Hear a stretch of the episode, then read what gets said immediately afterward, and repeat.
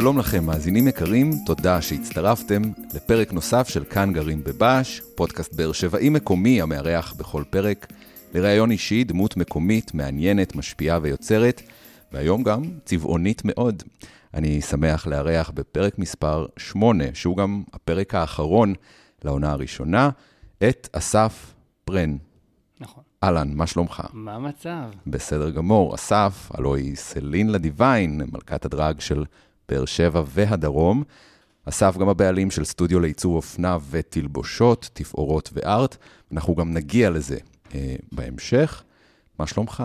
וואי, עכשיו שאני פה כבר סוף סוף חיכיתי את האמת לרגע הזה ביום. חודש עמוס, לא? זה חודש, זה, זה, זה, זה כבר כמה חודשים שמתקזזים לחודש הזה, אבל זה, משנה לשנה זה נהיה אישיו, בכל כן. הארץ.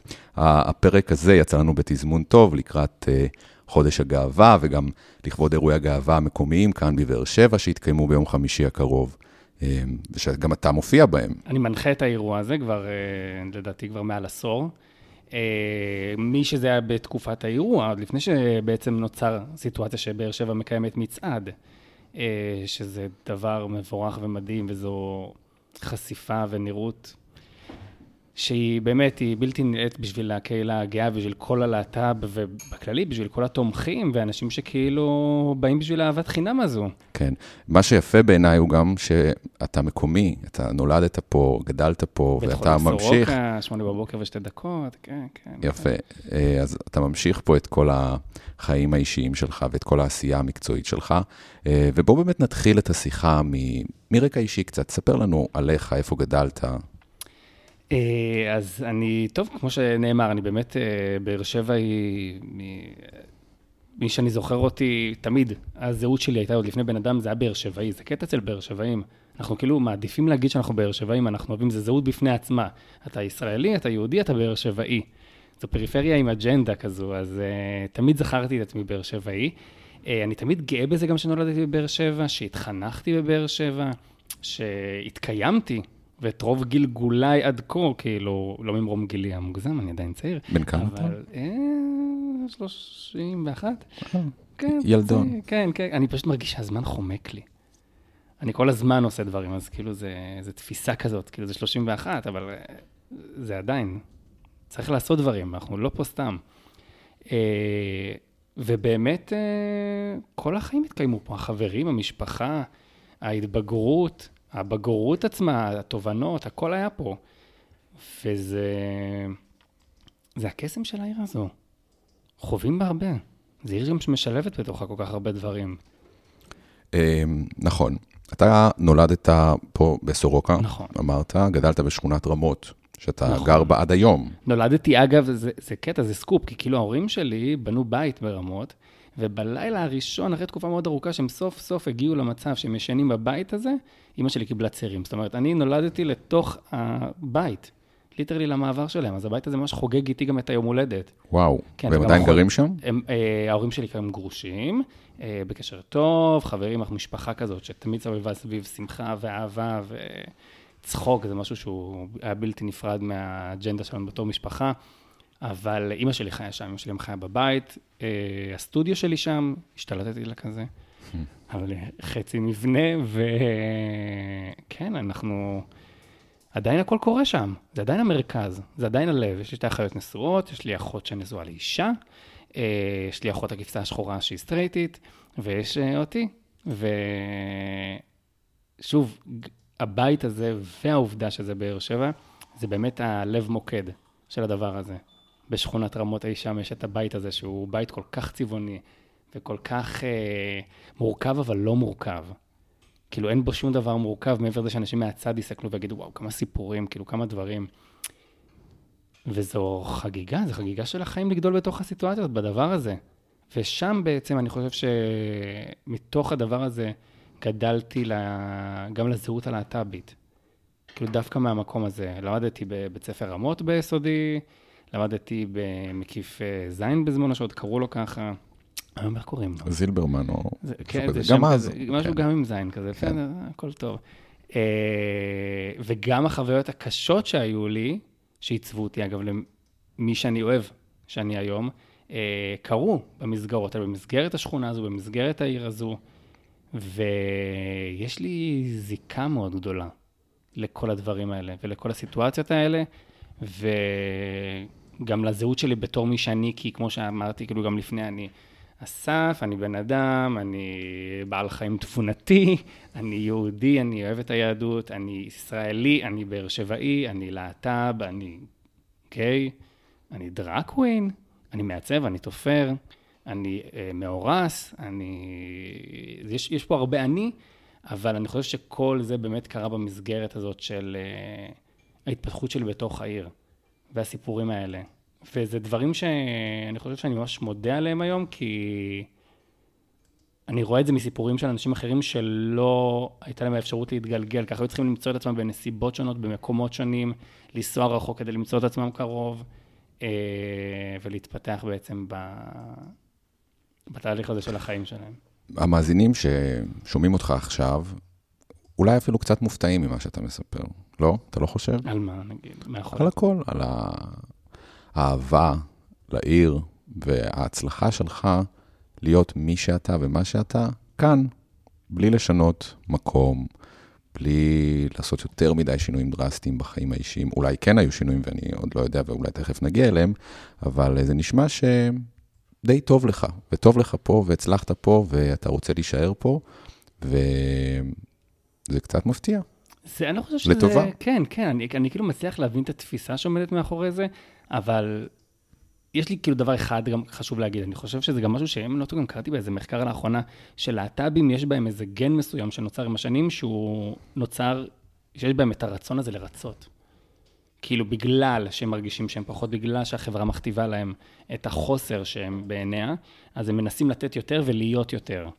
כאילו גם בתור אנשים, גם בתור הוכחה למשפחה, לסביבה שלהם, איזושהי חובת הוכחה ממש עוצמתית, כמו בן אדם שתמיד הרגיש שהוא לא מספיק, באופן הגיוני, ככה, אז בחתך של קהילה שלמה של להט"ב, אז יש את זה ממש בולט, וזה למה תמיד לפעמים אומרים שכאילו הלהט"בים נורא בולטים, נורא דמויות מפתח, נורא, אה, במרכאות אני אומר, כאילו מצליחים בתחומם, אבל זה באמת מהפוש הזה, מהמקום הזה, זה כמו בן אדם שלא היה לו כלום, אז הנקודת פתיחה שלו היא הרבה יותר חזקה, והרצון הפנימי שלו, אז אני לא חושב שלא היה לי כלום, כי היה לי הכל.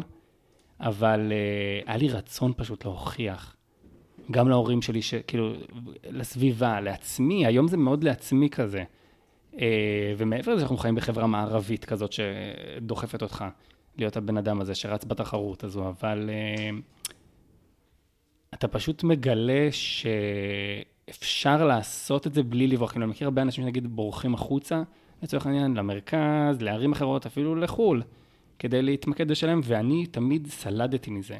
נורא רציתי שיהיה לי את זה פה, כאילו לא הבנתי למה אני צריך לברוח נורא רחוק כדי להגשים את עצמי. כל חיי וכל התהליך כאילו קרה פה בעצם. תחום של תלבושות ואופנה זה, נורא אופנה כמובן, היום זה כבר נורא נפוץ בבאר שבע, אבל תחום של תלבושות זה משהו שהוא על גבול הלא קיים פה בעיר. ואמרתי, אוקיי, כאילו לא קיים, בואו בוא ניצור את זה. כאילו, אנשים היום במרכז עובדים איתי, מגיעים לבאר שבע בעצם, כדי uh, להשתמש בי, להעסיק אותי. אה, כנ"ל אני חושב שזה גם, הדוגמה הכי חזקה היא התרבות הגאה שיצרנו פה. בעצם של הקהילה הגאה. אני חושב שהגענו ממקום שלא הייתה פה תרבות גאה. הייתה פה תרבות, אה, איך אני אקרא לזה, מרתפים. הכל היה בעצם... מתי בפעם הראשונה אתה נחשפת? לתרבות וואו, הגאה. אני, אז אוקיי, אז בוא נחזור טיפה רגע אחורה, כאילו כן. לבסיס כדי, כדי שנבין את זה. אני יצאתי מהארון באזור גיל 15, שזה שלב נורא נורא מוקדם, גם ההורים שלי היה להם תהליך מאוד אה, מורכב סביב הדבר הזה. אה, אני לא חושב שזה בגלל שהם לא קיבלו את זה בהכרח, אלא סביב, זה היה יותר סביב התפיסה הזאת של איך ילד בן 15 מבין מה הוא ואיך הוא. וזורק את החותמת הזאת על המצח שלו, כאילו... גדלת בבית חילוני? גדלתי בבית חילוני, אבל אנחנו בית שכאילו... יש לו זיקה מסוימת ליהדות, כאילו גם בגלל שאנחנו מעורבים, יש לי, אני חצי ערכי, חצי פולני כזה, אז לפה ולפה. Uh, תמיד החגים היו בראש מעיינינו, וכאילו תמיד זה היה חשוב, ומסורות, וכיפור, ולא משנה מה זה, כאילו, ואנחנו תמיד גם בחרנו בזה. זאת אומרת, מעבר לזה שזה בחר בנו להיות יהודים, אנחנו בוחרים להיות יהודים, ואנחנו מאוד אוהבים את זה, וכנ"ל כל, כל המסורת של הדבר הזה. אז אני כאילו הכי לא דוחף החוצה את כל הנושא הזה של היהדות, מעבר לזה שאנשים יעידו ככה עליי, יעידו ככה עליי, אני גאה בזה ואני אוהב את זה כמו שאר התארים שאני נושא על ראשי. Uh, אני כן חושב שיש, היו המון תגובות שכאילו ש... ש שלא מקבל, אני מנסה כאילו לחזור אפילו אחורה כזה רגע. אני מנסה להבין ש... אני חוזר בכוונה ליצירה הזאת של התרבות גאה, שהתחלנו מנקודה מסוימת, אה, כי זה באמת היה ליצור את הכל מחדש, וגם את, ה, את המבנה הזה של בן אדם שמזוהה אה, בעיני הסביבה כמשהו שהוא כל, הכל מהכל כזה, גם זה דבר שאנשים לפעמים עכשיו גם יכולים לשמוע ולהגיד איך הוא מעז להגדיר את עצמו ככה וככה וככה, אז אני אומר, אני יוצר את זה, אני יוצר את החדש הזה. אני יוצר משהו שאולי נראה לכם שונה, אולי נראה לכם זר, אבל זה, זה הזמן לקבל את זה. כאילו אפשר כולנו להיות ביחד, ואפשר שבן אדם יהיה פחות כזה ויותר כזה, וכנ"ל כזה, זה הכל מינונים, והכל רמות, והזהות שלנו, הרי בסופו של דבר, היא אמנם מה שמגדירה אותנו, אבל זה, זה בחירה שלנו. החיים שלי הם דרך העיניים שלי, והחיים של האדם הזה הם דרך העיניים שלו. אין אמת אחת בעיניי, אין דבר אחד, יש בסך הכל להכיל, אה, לקבל, לתמוך, לחיות כן בצורה שוויונית, אני מאוד דוגל בזה, לא משנה מאיזה קהילות או מאיזה תחומים או איזה אוכלוסיות, שוויון הוא מעל הכל, אנחנו כולנו בנו את אותו אדם ואת אותו ה-DNA וכולנו הגענו מאותו מקום, ואפשר רק לשפר. אז אני חושב שכאילו כל העשייה שלי וגם כל מה שגדלתי סביבו בתור נער, היה חיה ותן לחיות. זאת אומרת, תעשה את הדברים כל עוד לא רצחת חלילה, לא גנבת, לא פשטת, לא עשית משהו, אין שום סיבה שלא תחיה את החיים האלה. ואני לא חושב שאנחנו, גם בתור קהילת להט"ב, צריך לשים עלינו את החותמות הקשות האלה, כי בסופו של דבר אנחנו בני אדם מן השורה, כאילו, לכל אה, דבר ועניין. והייתה פה קהילה שלמה בבאר שבע שהייתה צמאה להכרה הזו. אני בתור נער להט"בי לא... הייתי לפעמים גם צריך אולי קצת טיפה לברוח כדי לראות מה יש בחוץ. להתפלח למקומות, להיכנס, להבין מה זה, איך זה.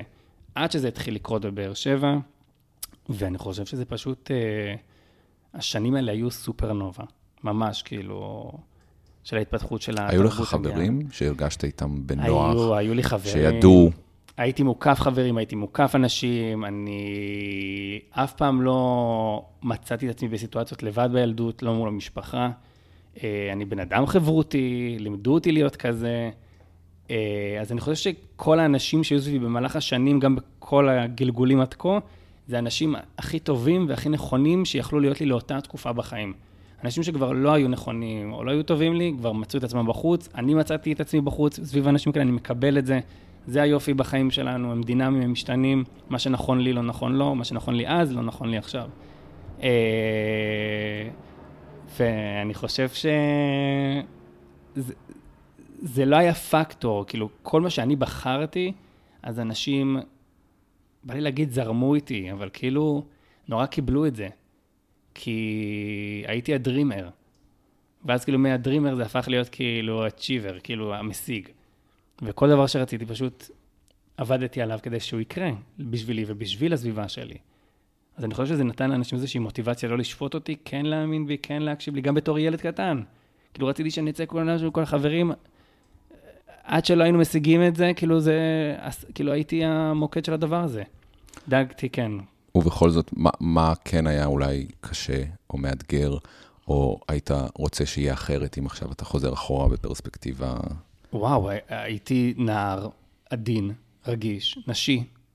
אה, הייתי רוצה, לא, היה לי שלבים שאני לא נוטה לדבר הרבה על הדברים הקשים. אה, למרות שיש לדבר עליהם, אבל אה, אם ניכנס לזה, אז כן, היה לי תקופות בחיים, בתקופת היסודי בעיקר, שהייתי פוחד לחזור הביתה. לא הייתי יודע מי יחכה לי מעבר לפינה, כי היו מאיימים. ילדים זה עם אכזר ברמות שאין לתאר. אם אנחנו הגדולים, אה, מה שנקרא, אנשים קשים, אז ילדים זה ממש כאילו, יש שם אכזריות שהיא מאוד קשה. אבל זה בגלל שהם חיים גם את האמת שלהם, את התפיסה, ובגלל שהם אה, לא בעלי הידע. כאילו, הם לא בתובנה עדיין. אז אני היום סולח על זה. אז לילד הקטן ההוא, הייתי מאוד מאוד מאוד רוצה שהוא לא יסתכל ימינה-שמאלה כל הזמן. או לא ינסה לסגל לעצמו איזה... כל היום לשבת לעצמו בראש ויגיד, וואי, אני אענה ככה, אני אגיב ככה, אני אעשה ככה. לרכז את המחשבות האלה, את המגננות הפנימיות האלה שנוצרו לי, לא באיך להגן על עצמי, אלא איך... אה, אין לי אפילו מה לאחל לו, כי זה עדיין ילד, אבל לא להיות שם, בנקודה הזאת, שכל הזמן הייתי חושב, אני אלך מהדרך הזאת, אני אלך מהכיוון הזה, אני אגיד את זה, אני אעשה את זה. אני לא אגיב לו, אני לא אסתכל לו בעיניים, אני, שלא יהיה סיטואציה כלשהי שחלילה תגרום לי להיות באיזושהי חרדה מסוימת, באיזשהו סטרס מסוים בילדות. אה, אבל זה היה. זה היה, זה היה לא מעט, אני זוכר את המקרים האלה, אה, אני לוקח אותם איתי, אני סולח לאנשים האלה. כאילו, לימים גם היו אנשים שדיברנו על זה והכול. אה, זה בא, אני מאשים נטו את החינוך מהבית. ילדים ונוער, זה תמיד אני אומר, אנחנו היום יוצרים תרבות חדשה והסברה, ואנחנו גם אפילו צועדים לא למעננו ולא למען הדורות שמעלינו. את זה אנחנו עושים בזכותם, ואנחנו צועדים למען הדור הבא, למען ההסברה של העתיד. ואני פשוט כאילו חושב ש... שזה ממש זה. זה נובע אז כאילו, זאת אומרת, מהחינוך עצמו, מהבורות, או מאי תשומת לב שהורה לא שם לב שהילד שלו מתנהג ככה כלפי ילד אחר, או לא, היה בדגש על להסביר לילד את החשיבות של השוני ואת הדבר הזה. כן, היום אנחנו משהו כמו 20 שנה אחרי שהיית ילד. נכון. פלוס מינוס, אה, והיום, ממה שאתה רואה, הילדים השתנו? לא. אני חושב שזה, שזה לא שהילדים לא השתנו, אני חושב שזה הילדים שהיינו, שהיום הם הורים, לא מספיק השתנו. אה, כי זה לא הילדים, הילדים החדשים עוד פעם, הם בסך הכל הם אה, ספיגה, הם דף חלק, מה שהם סופגים זה מהסביבה שלהם. למרות שהם היום הרבה יותר הרבה פתוחים נכון. לראות ולהכיר, נכון. והם יודעים הרבה יותר מאיתנו יחסית לגיל נכון. שלהם. אני חושב שהיום פשוט המצב של הנוער הוא לא כלפי הנושא הזה בהכרח של להט"ב או של ילדים, כמו שהיה פעם. אה, יש אלא יש פשוט, היום הרבה אה, יותר כן, להט"ב על מסכים, בדיוק. שלא היה אז. ב- ברור. לא היה לפני 20 שנה כל כך נכון. הרבה נציגים של קהילה להט"בית, גם בטלוויזיה, גם בסדרות, גם בריאליטי, גם ברשתות החברתיות, שאתה רואה אותם. ואתה אוהב אותם, ואתה מתחבר אליהם, והם כמו כולם, וזה הופך להיות פלואידי. לחלוטין, בגלל זה אני חושב שהנוער היום עדיין מגבש איזושהי זהות אולי לא אנטי-להט"בית, אולי כן קבלת השונה, אבל התגובות שלהם, בגלל היכולת שלהם להביע ברשתות, בגלל הטכנולוגיה שלא מנותבת נכון על ידי הדור, שהוא בעצם ההורה, אה, היא אכזרית, הח- החרם שיש בכל מקום, וכל הסיפור על התעללויות בבני נוער, כאילו הם בתוך עצמם, אה, זה, זה, זה כואב. אני קורא את המקרים האלה, אני מתעניין בזה, אני תמיד שומע. אני שמח לראות שהמקרים של נוער קצת בנושא הזה של להט"ב, זה קצת פחות, אבל זה מחמיר אז לכיוון אחר. כאילו לאיזושהי הכללה כללית של בן אדם שלא נראה לו, מה שבן אדם כן. השני עושה. כאילו זה, אין, אין פה הכלה, אין פה, זה, זה לא קשור לנטייה מינית, זה אין אה, יכולת לקבל את האחר. וזה החינוך שעושה, כי ההתמקדות גם בתחום החינוך היא מאוד מאוד נמוכה, גם סביב מקצועות ליבה, גם סביב הנושא, אני אגיד את זה גם כן, גם לימודי דת לפעמים, זה, זה דברים שהם כאילו לפעמים, הם לא מספיק היום בחברה שאנחנו אני חושב נמצאים שלא. עובדים על הנפש מספיק. לא עובדים על על הנפש. לא מכינים אותנו לחיים. עובדים על הקוגניציה, נכון. עובדים על המוח, אבל לא עובדים מספיק על הלב, על הרגשות, נכון. על הנפש. נכון. אה, זה, זה לוקה בחסר מאוד, בגלל זה אני שמח גם שיש עמותות וארגונים, אה, גם להט"בים, גם לא להט"בים, שבאים וכן עושים את זה, לא מספיק בבתי ספר, זה לא מספיק קורה, אבל אה, אני בתקווה, בגלל זה אנחנו עושים את הדברים הגדולים לפעמים, כי הדברים הגדולים גם עושים איזה אימפקט. לפעמים זה זעזוע כזה, שקצת גורם לך לפתוח את הגוגל ולהבין מה קורה שם, מה זה הדבר הזה, או את החדשות. אה, או להגיע שנייה, לצפות מהצד במרפסת, בזמן שהדבר הזה הולך למול העיניים, או לשמוע מה אומרים שם באירוע במיקרופון. הדברים הקטנים האלה, לפעמים עושים את ה... זה לא דברים קטנים, זה דברים גדולים, שעושים את האפקט הקטן. אה, אפילו יותר מבית... זה עצוב לי, כי זה אפילו יותר מבתי ספר, ואפילו יותר מ... בוא נתקדם קצת בחיים שלך, אה, שירות צבאי, התגייסת, ועשית גם שירות לאומי, נכון. משהו מעניין. אה, חזרתי למקורות, חזרתי למקיף ז', זה מצחיק, הייתי שנה בצבא, השתחררתי בגלל סיבה רפואית, שאני לא אכנס אליה כרגע, אבל היה לי שירות, אגב, צבאי של שנה מדהים, מדהים, מדהים, מדהים, מדהים, מדהים. כן, איפה? היה לי, הייתי בנבטים, בחיל האוויר, הייתי מש"ק משמעת. קלאב. כן, הוא- יומיות? לא, בחרתי להישאר בבסיס Mm. וישנתי שם, וואו. והיה לנו שירות מדהים ומגבש, והכרתי המון אנשים והתעצבתי בשנה הזו ברמה מטורפת. אה, אני כן אגיד שאחר כך השירות הלאומי, כי מאוד רציתי, גם בגלל שהשתחררתי, לא רציתי לסיים את ה... להתחיל, מה שנקרא, את החיים, הרגשתי שאני עדיין בשירות, אז ממש יום אחרי השחרור כבר הייתי בעמותת שלומית, וכבר נכנסתי לשירות לאומי, ושלחו אותי למקיף ז', למקיף שלמדתי בו, ובו הייתי רכז חברתי, ובעצם הייתי יוצר אה, מפגשי, אה, אה, מפגשים בין תלמידים. זאת אומרת, אה, פערים חברתיים, והיינו מייצרים פעילויות ביחד, והיינו עושים את הטקסים ואת כל האירועים, ותוך כדי יצירה ואווירה שהיא לאו דווקא אווירה לימודית, היינו מחברים בין שכבות שונות, כאילו. של אה, תלמידים ולמידה אה, וקשרים של אנשים, ש... ילדים שלא היית חושב שיכולים להתחבר. פתאום מצאו את עצמם חברים ממש טובים ועם הרבה תחומי עניין ותחביבים משותפים. אז זה היה נורא כיף, זה היה שנתיים באמת מדהימות, שהרגשתי שבאמת נתתי איזה משהו, ואחריהם אתה נזרק, מקבל בעיטה לחיים. ומה היה בחיים? איפה התחלת? את, אוקיי, בוא, בוא, נעשה את זה. אז אני יצאתי מהארון בגיל 15, ובגיל 17 אני יצאתי מהארון בתור מופיע דרג. זאת אומרת שאני כבר בגיל 16 וחצי, אתה... מצאתי את עצמי מתנשא בדרג. אתה אוהב לצאת מהארון? אני, מה זה לצאת מהארון? זה, החש... זה חשיפה. זה דרמה. כאילו, אתה פתאום אוהב דרמה. לצאת מהארון זה דרמטי.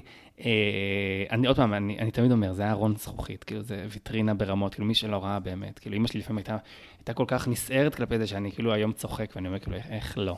איך לא, באמת, באמת, ארון זכוכית. אבל אה, אני לא שופט. ואז חשוב לי להגיד שבנעורים, מעבר לזה שמצאתי את הזהות המינית שלי, גם מצאתי עוד משהו שמאוד אהבתי, שזה בעצם עולם הדרג. שזה נתן לי כל כך הרבה הזדמנויות ואפשרויות להביע צדדים אחרים בי.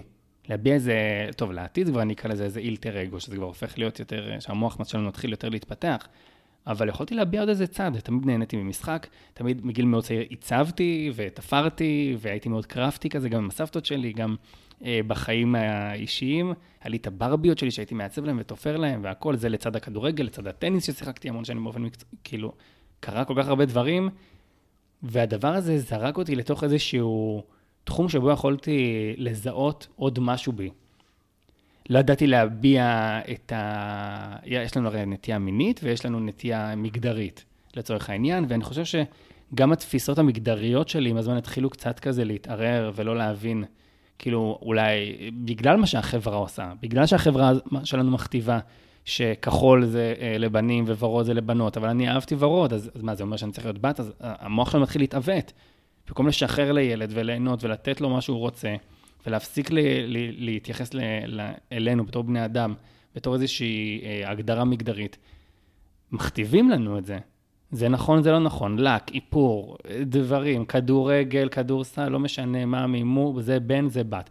אז גם בת שנורא אוהבת כדורסל ונורא אוהבת ונורא לא אוהבת את השמאלות, ונורא בא לה שיער קצר, כי זה נעים לה וזה כיף לה, כי בן אדם, לפני שהיא בת, צריכה לחיות בתחושה הזאת שכל מה שהיא עושה זה של בנים, ואז עם הזמן גם אולי לעבור תהליך שינוי אה, מגדרי, או זהות מגדרית, או עכשיו שוב, יש מקרים ויש מקרים, יש גם אנשים שנולדים במין הלא נכון, ואני מבין את זה, ויש הכל, אבל זה סביב הכל, זה הכל מתחיל ונגמר סביב ההגדרות החברתיות הלא רלוונטיות, אנחנו ב-2023, צריך להתחיל לאט לשחרר מזה, לצערי, זה בכל העולם ככה, אז כאילו אנחנו לא, זה לא אפשר להצביע, זה בישראל או בבאר שבע.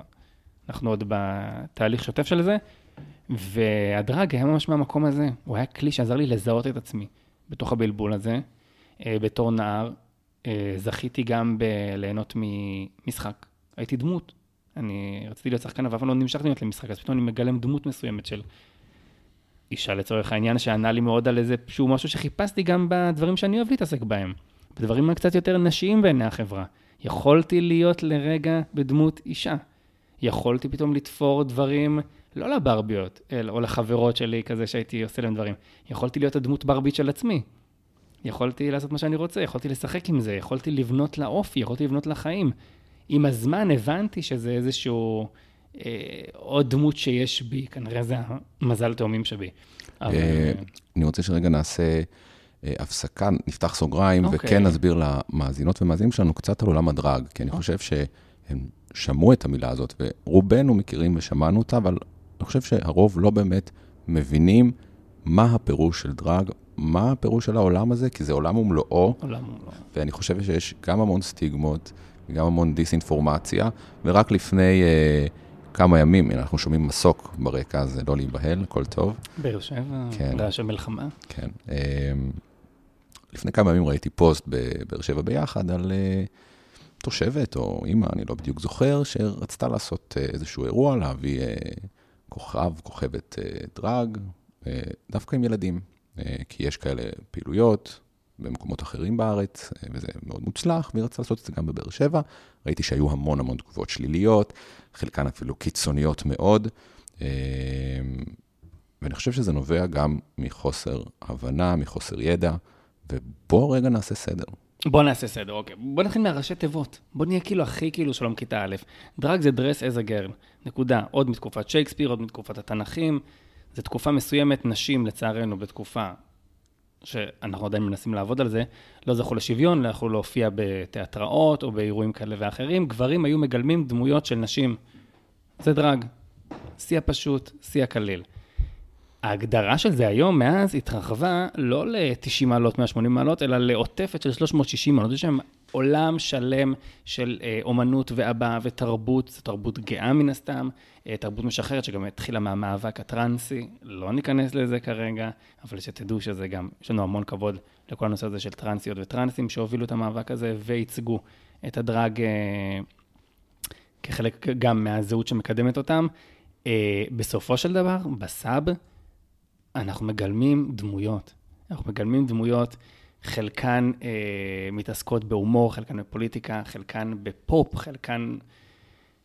אני כאילו מנסה אפילו לגעת בכל הדברים האלה. זה, זה, יש מיינסטרים, יש dance, כאילו, יש כל כך הרבה עולמות. בסופו של דבר, המטרה היא להגשים איזושהי דמות מסוימת שיש בנו. יש כאלה שעושים את זה במקום עמוק, אני עושה את זה ממש, זה ממש קריירה, אני עובד בזה. אה, ה sub של זה היא בעצם איזושהי self-expression, הבעה עצמית. זה לא פוגע וזה לא כואב וזה לא מזעזע את המערכת. כמובן שבכל דבר, כמו בכל תחום, יש את הפרובוקציה שבזה, ויש את התחום אה, האפור יותר, שזה לקהלים מסוימים, ויש גם שעות סיפור לילדים.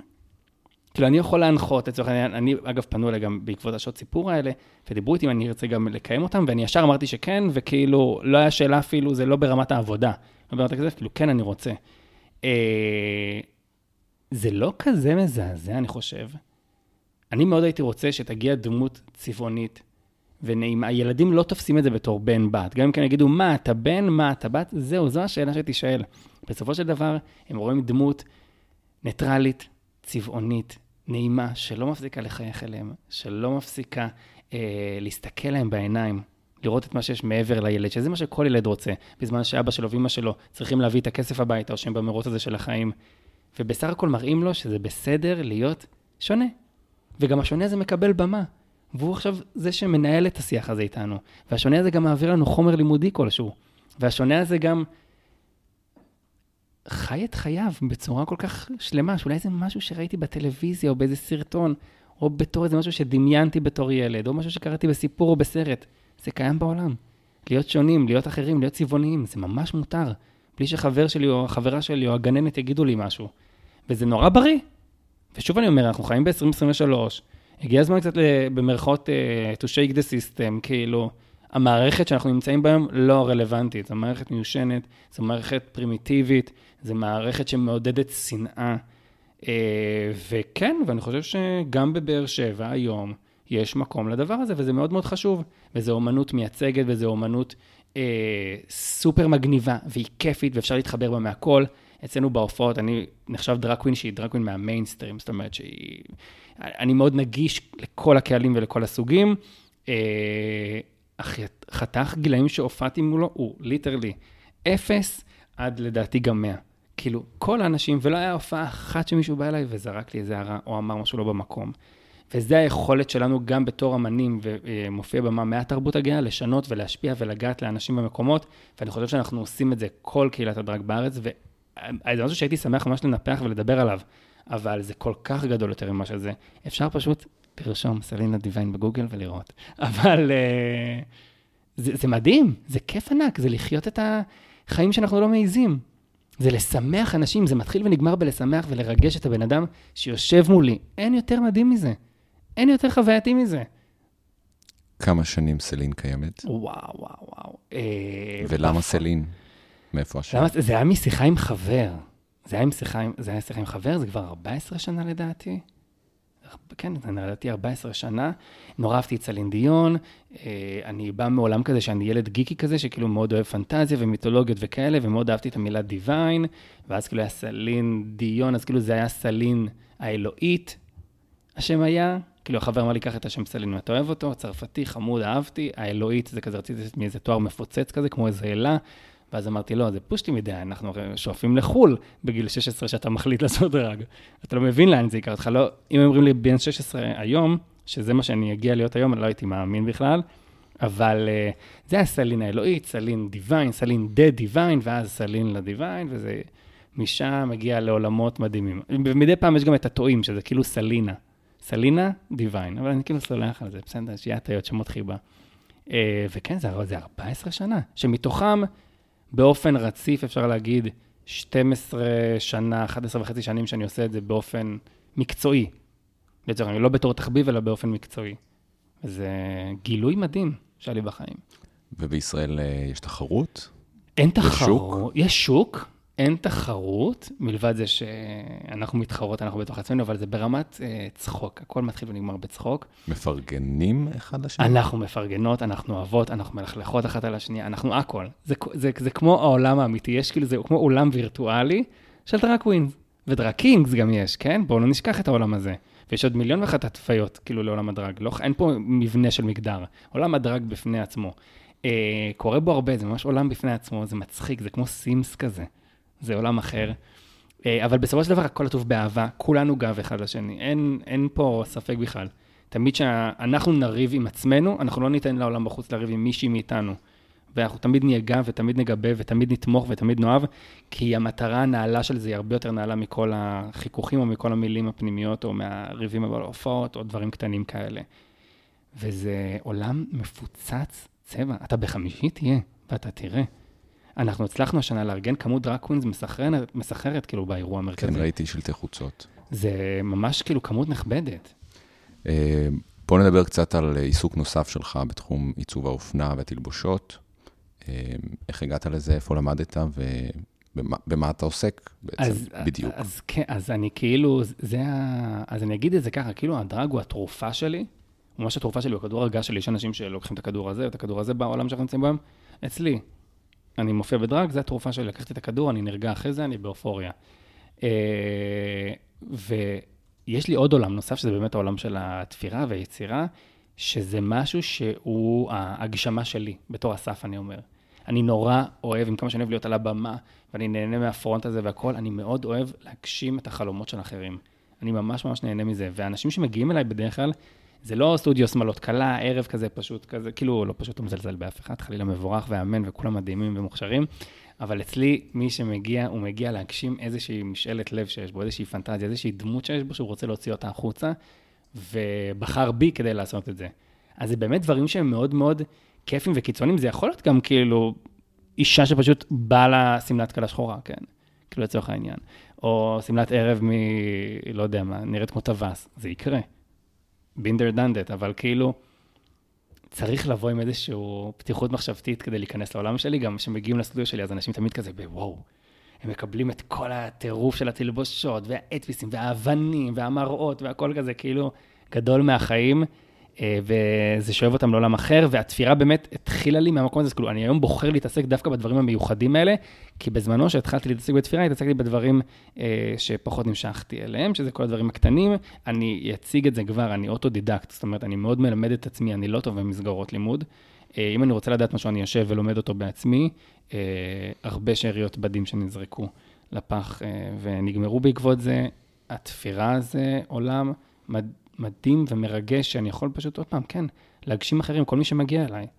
זו חוויה ענקית, ועצם העובדה שזה בבאר שבע, זה מטורף, כי עבדתי בהפקות ענק, עבדתי גם באח הגדול, ועבדתי מפורסמים, והלבשתי כאילו עשרות אנשים ותערוכות ודברים מייצגים, ואני חושב שבגלל שאני מבאר שבע, אז זה באמת עושה את זה בזכות ולא בחסד. זאת אומרת, אני לא עוד מישהו מהמרכז שחייב לתת לו במה, אנשים הגיעו אליי במיוחד, ואני גאה לשאת את הטייטל הזה גם.